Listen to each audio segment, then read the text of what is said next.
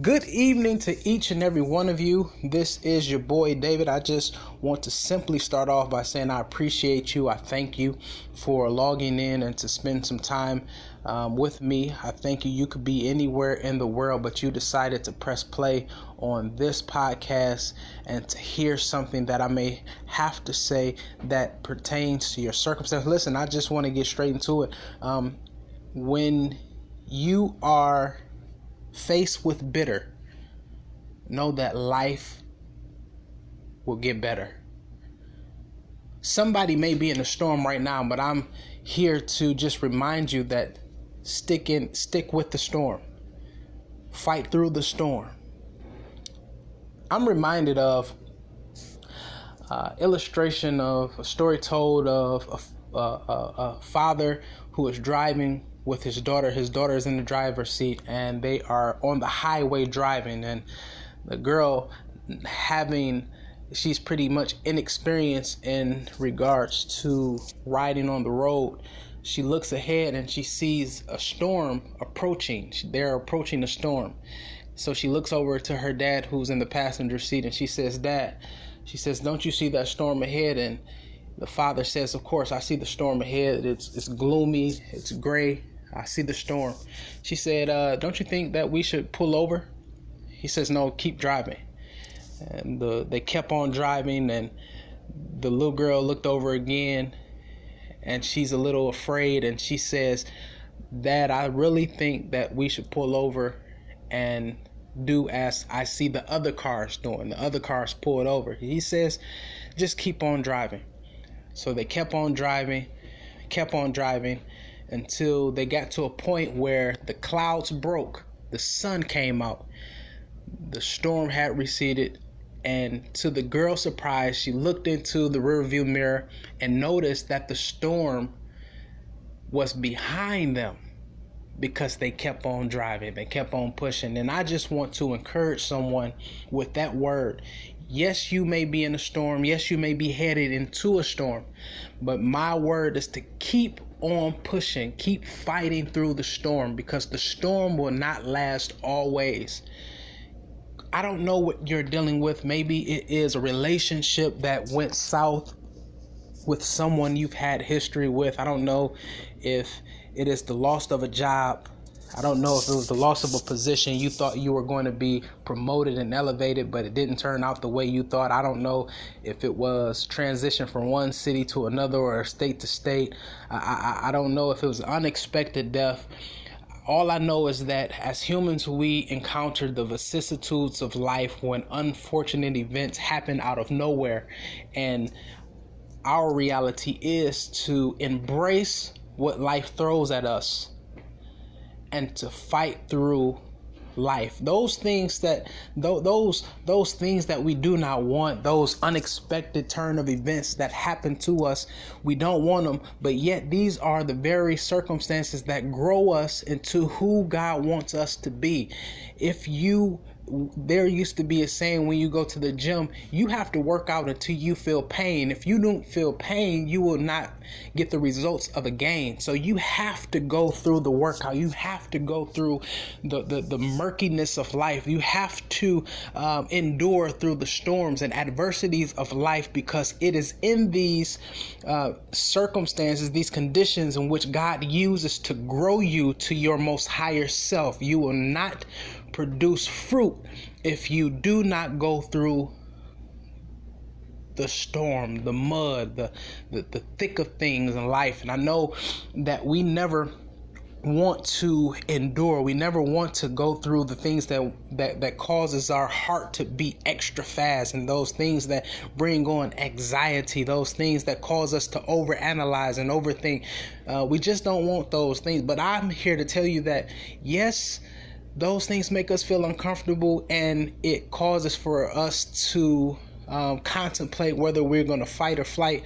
But I want to tell you that those things in which we deal with cause us to grow and mature us to the person we need to be. The world needs you to grow. The wor- world needs you to be successful. We need you to face your fears because when you face your fears, then you have the testimony that allows somebody who's coming behind you or who are currently in a, a similar situation, it gives them strength and hope to keep on fighting. Listen, I had to reach reprogram my mindset as of lately, and I told myself those things in which causes me to be fearful.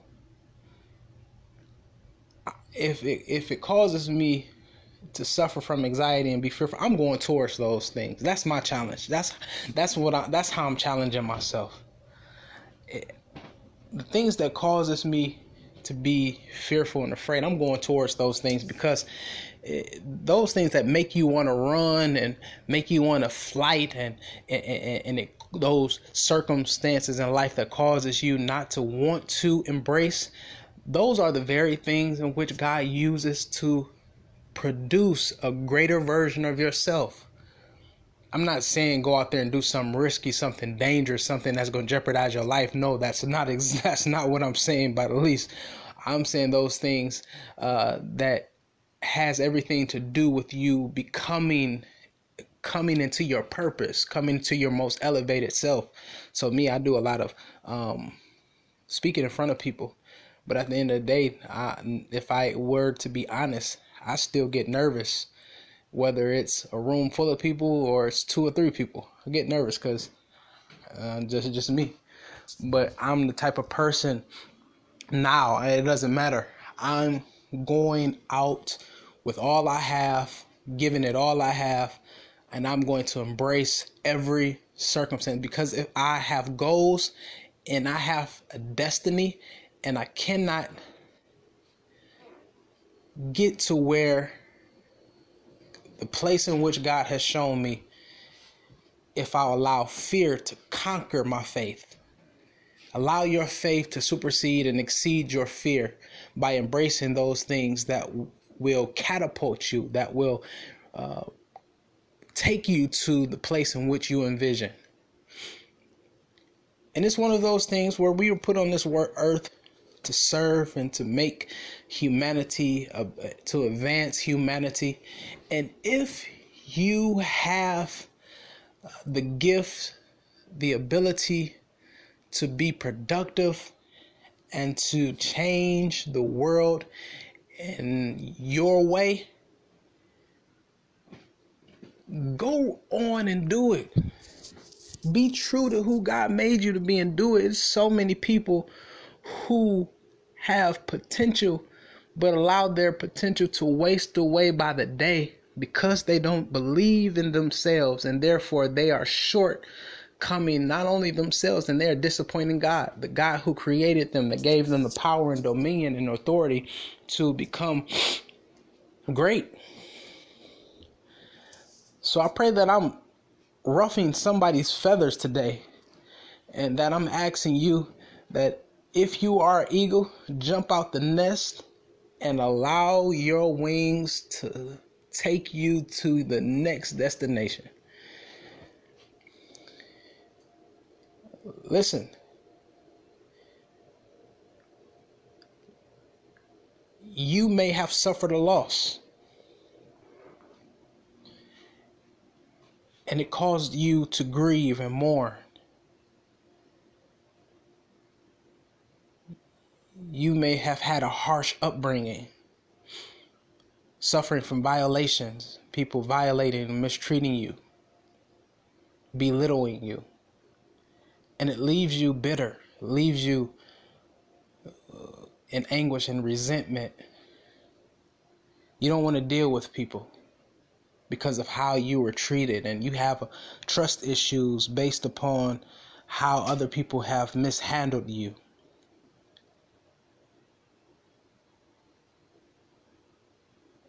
and you're troubled.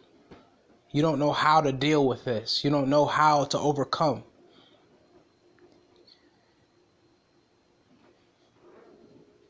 My hope, my, my word is that you would try God.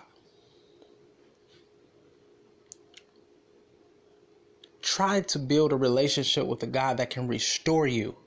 Restoration is to bring back the zeal, the the the the restore that in which once was whole. Think about restoration. You think of, I think about a house that over time, over time, uh, it may not have been maintained and kept up uh, like it should have been, and over time, that beautiful house starts to decay and dilapidate. And but restor- restoration says construction workers are to come in and begin to make the modifications to the house so that the house may look presentable as it once was. And I'm saying that in I'm speaking that word restoration into your spirit that there were times in which people broke you, tried to break you and your spirit has been broken and your self-esteem and has been broken and and and people have talked about you to where your confidence has shifted but I'm speaking restoration in your life. I'm I'm speaking that a God who is able to come in and to mend the broken pieces where relationships have gotten the best of you.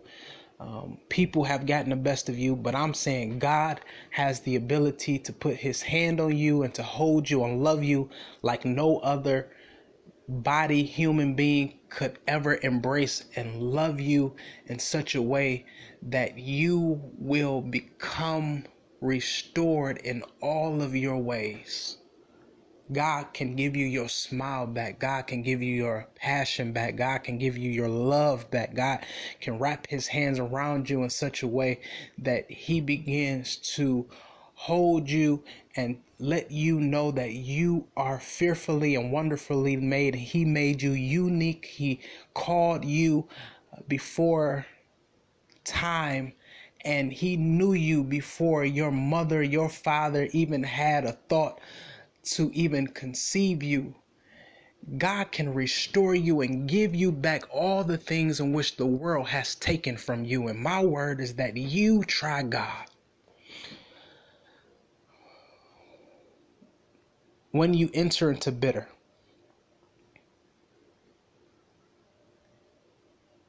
there's a lesson in bitter. Yes, at the moment, it's tough, it's heart wrenching.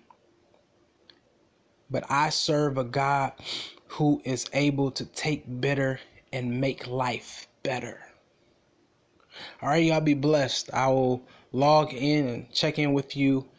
This is David God's child, and I'm always looking to encourage the children of God. Y'all be blessed. Peace.